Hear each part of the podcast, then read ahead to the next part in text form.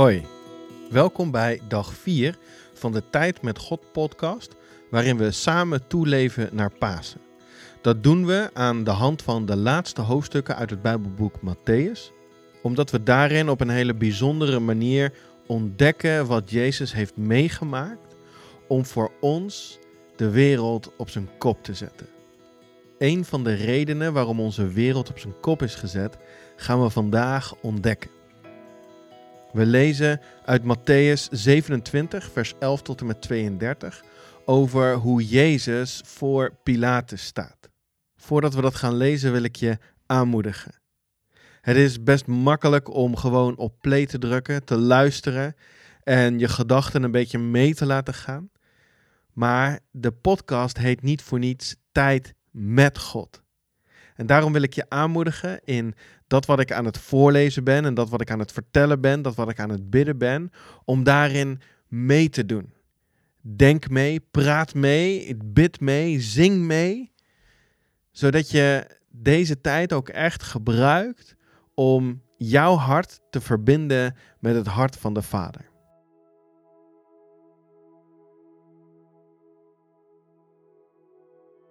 Heere God, als we vandaag onze Bijbel openslaan, dan vragen we om ons daardoorheen te zegenen. Dat de woorden die ik uit zal spreken en de muziek die we zullen luisteren, ons hart zullen raken en zullen aanmoedigen om ook ons eigen hart te verbinden met uw hart. Amen.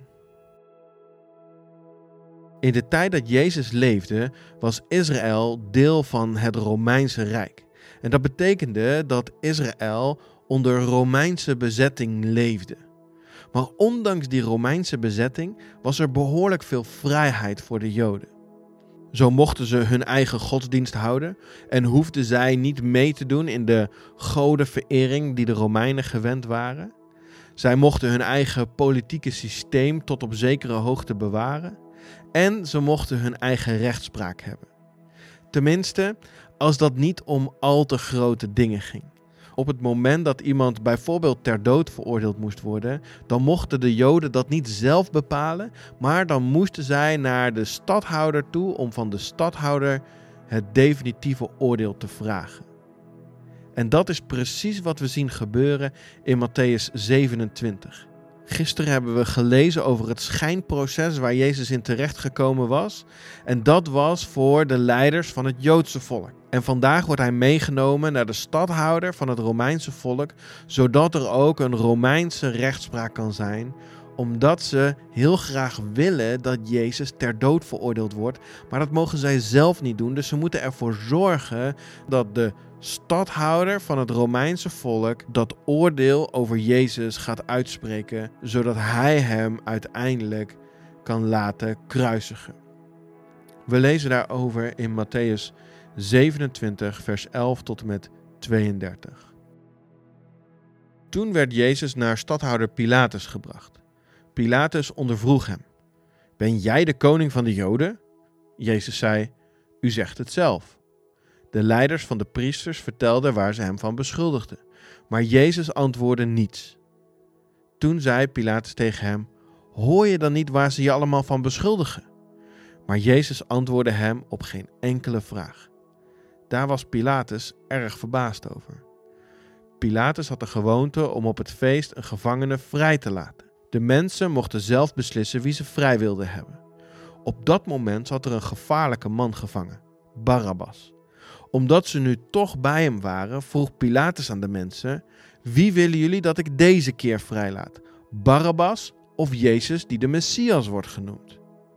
Want Pilatus wist dat ze Jezus gevangen hadden genomen omdat ze jaloers waren. Terwijl hij daar zo zat om over Jezus recht te spreken, kreeg hij een bericht van zijn vrouw. Ze liet hem weten: Bemoei je niet met deze onschuldige man, want ik heb vannacht in een droom veel verdriet om hem gehad. Maar de leiders van de priesters en de leiders van het volk stookten de mensen op. Ze moesten Pilatus vragen om Barabbas vrij te laten en Jezus te laten doden. Pilatus vroeg: Wie van de twee moet ik van jullie vrijlaten? En ze riepen: Barabbas.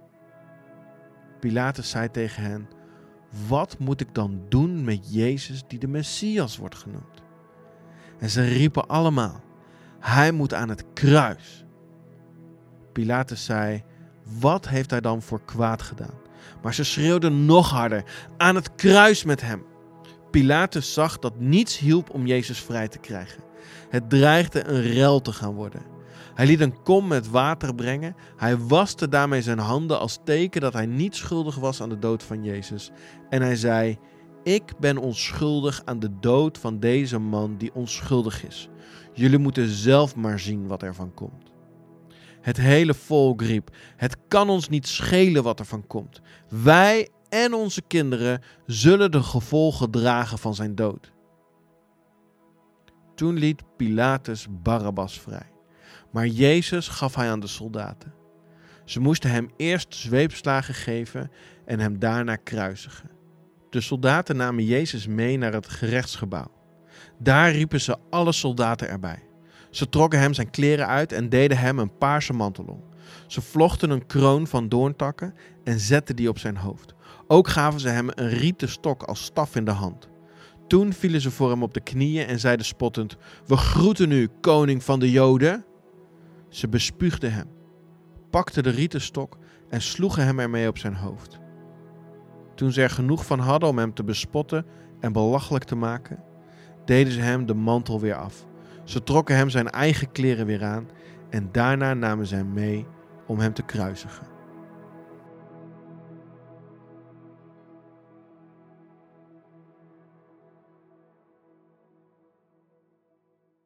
We hebben gelezen over een bijzondere rechtszaak met bijzondere gebeurtenissen en hele opvallende details. Als je dit verhaal zo leest, dan lijkt het haast wel alsof er een regisseur achter zit.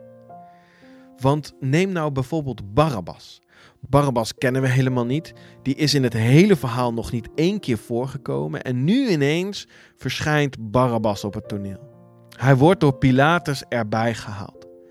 Ieder jaar laat Pilatus een gevangene vrij. Dat doet hij niet omdat hij zo ruimhartig is, maar dat doet hij omdat hij het zo belangrijk vindt dat het volk hem aardig vindt. Daar doet hij heel veel voor. En zo ook dit jaar. En hij probeert nog Jezus te redden, zou je kunnen zeggen, door Barabbas naar voren te halen. En te zeggen: Kijk nou, ik heb hier twee mannen staan. Eentje is een verschrikkelijke misdadiger. En de ander, ja, wat heeft hij eigenlijk verkeerd gedaan? En toch staat de menigte te schreeuwen dat ze Barabbas vrij willen hebben. En daarmee wordt Barabbas een symbool. Jezus neemt de plek van Barabbas in. Hij neemt de straf op zich die eigenlijk Barabbas had moeten hebben. En daarmee is Barabbas een symbool geworden voor ons allemaal. Omdat Jezus de straf op zich neemt die wij eigenlijk zouden moeten krijgen. Jezus neemt de plaats in van degene die eigenlijk de straf had moeten krijgen.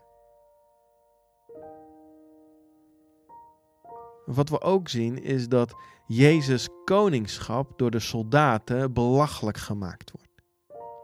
Ze geven hem drie requisieten: een mantel, een rieten stok en een doornenkroon. En zonder dat de soldaten het in de gaten hebben, zien we hier ineens nog een symbool.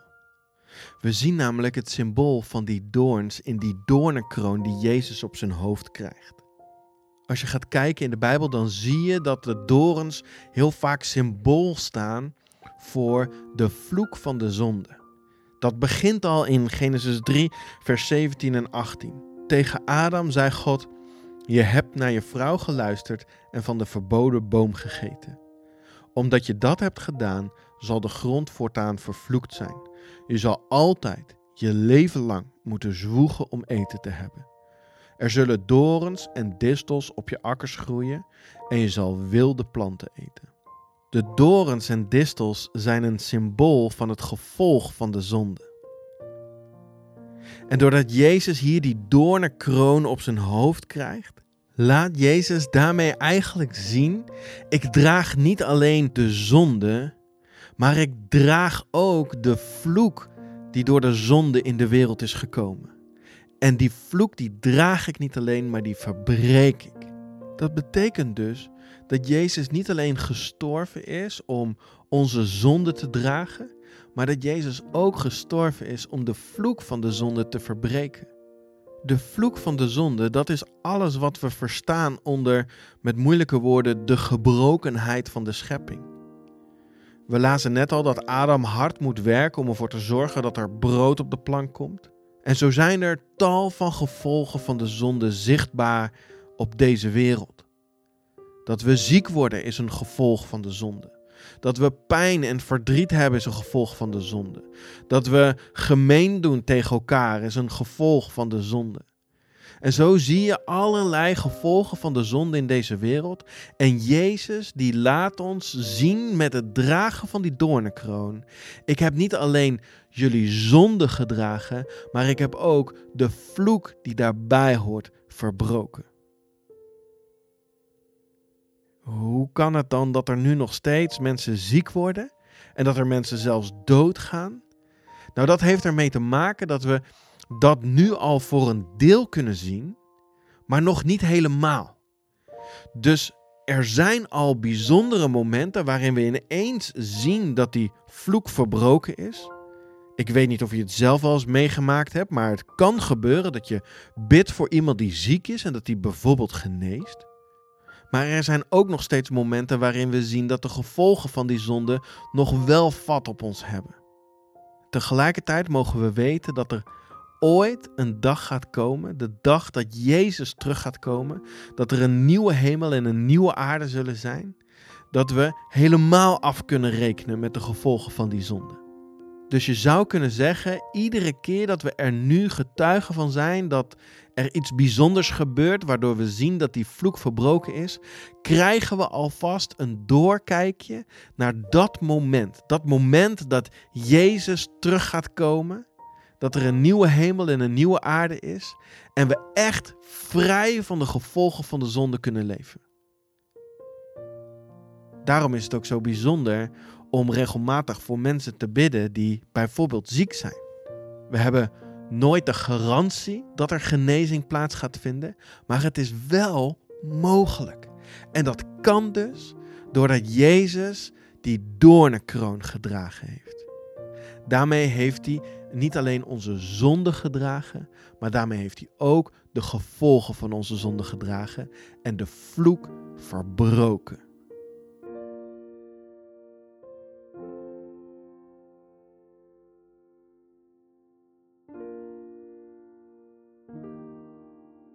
Heer Jezus, als we zo deze week bezig zijn met dat wat U voor ons gedaan heeft, dan is het soms gewoon moeilijk om woorden te vinden om iets tegen U te zeggen. En daarom vallen we maar terug op soms hele veel gebruikte, te makkelijk gebruikte woorden, maar die we wel heel erg menen. Heer Jezus, dank u wel. Dat u niet alleen onze zonde gedragen heeft, maar dat u ook de vloek verbroken heeft. Amen. Misschien is er nog iets wat je in je eigen woorden tegen Jezus zou willen zeggen.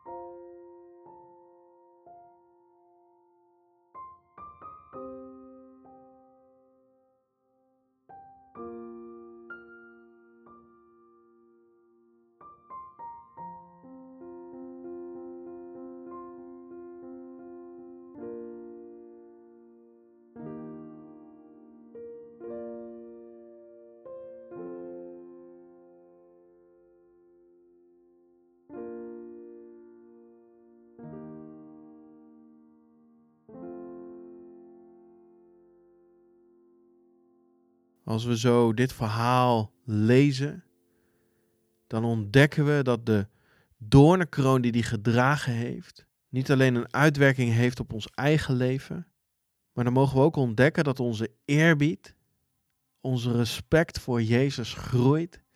En dat we daarmee ook dat lied dat we in ieder geval bij ons in de kerk al wel vaker hebben gezongen, ineens veel meer diepte krijgt.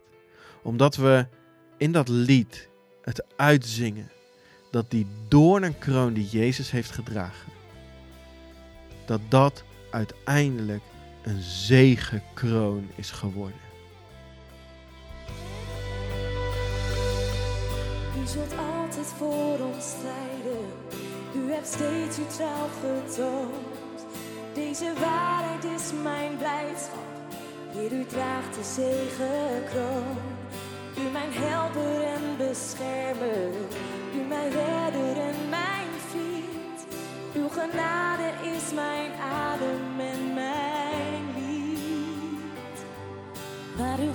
Grootheid wordt bezongen, wil ik knielen voor uw troon. Waar u bent verstilt de onrust, want u draagt de zegenkroon. Vul dit huis nu met uw glorie, vul ons hart met heilig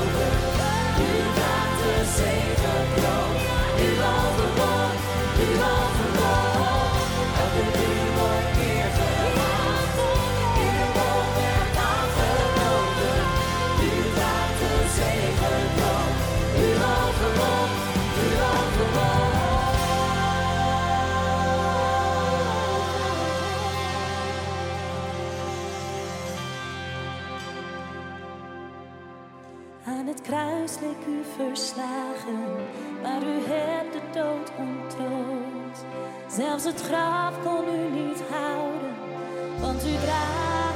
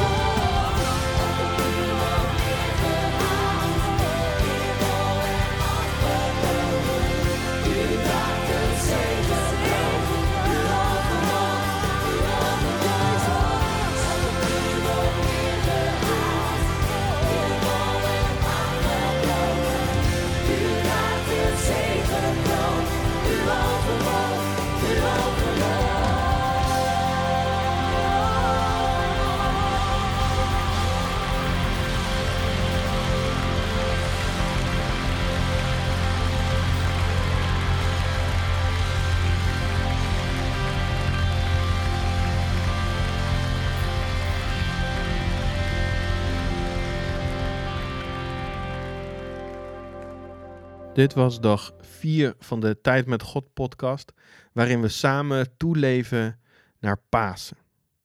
Bedankt voor het luisteren. Succes met het project waar je aan werkt en hopelijk tot morgen.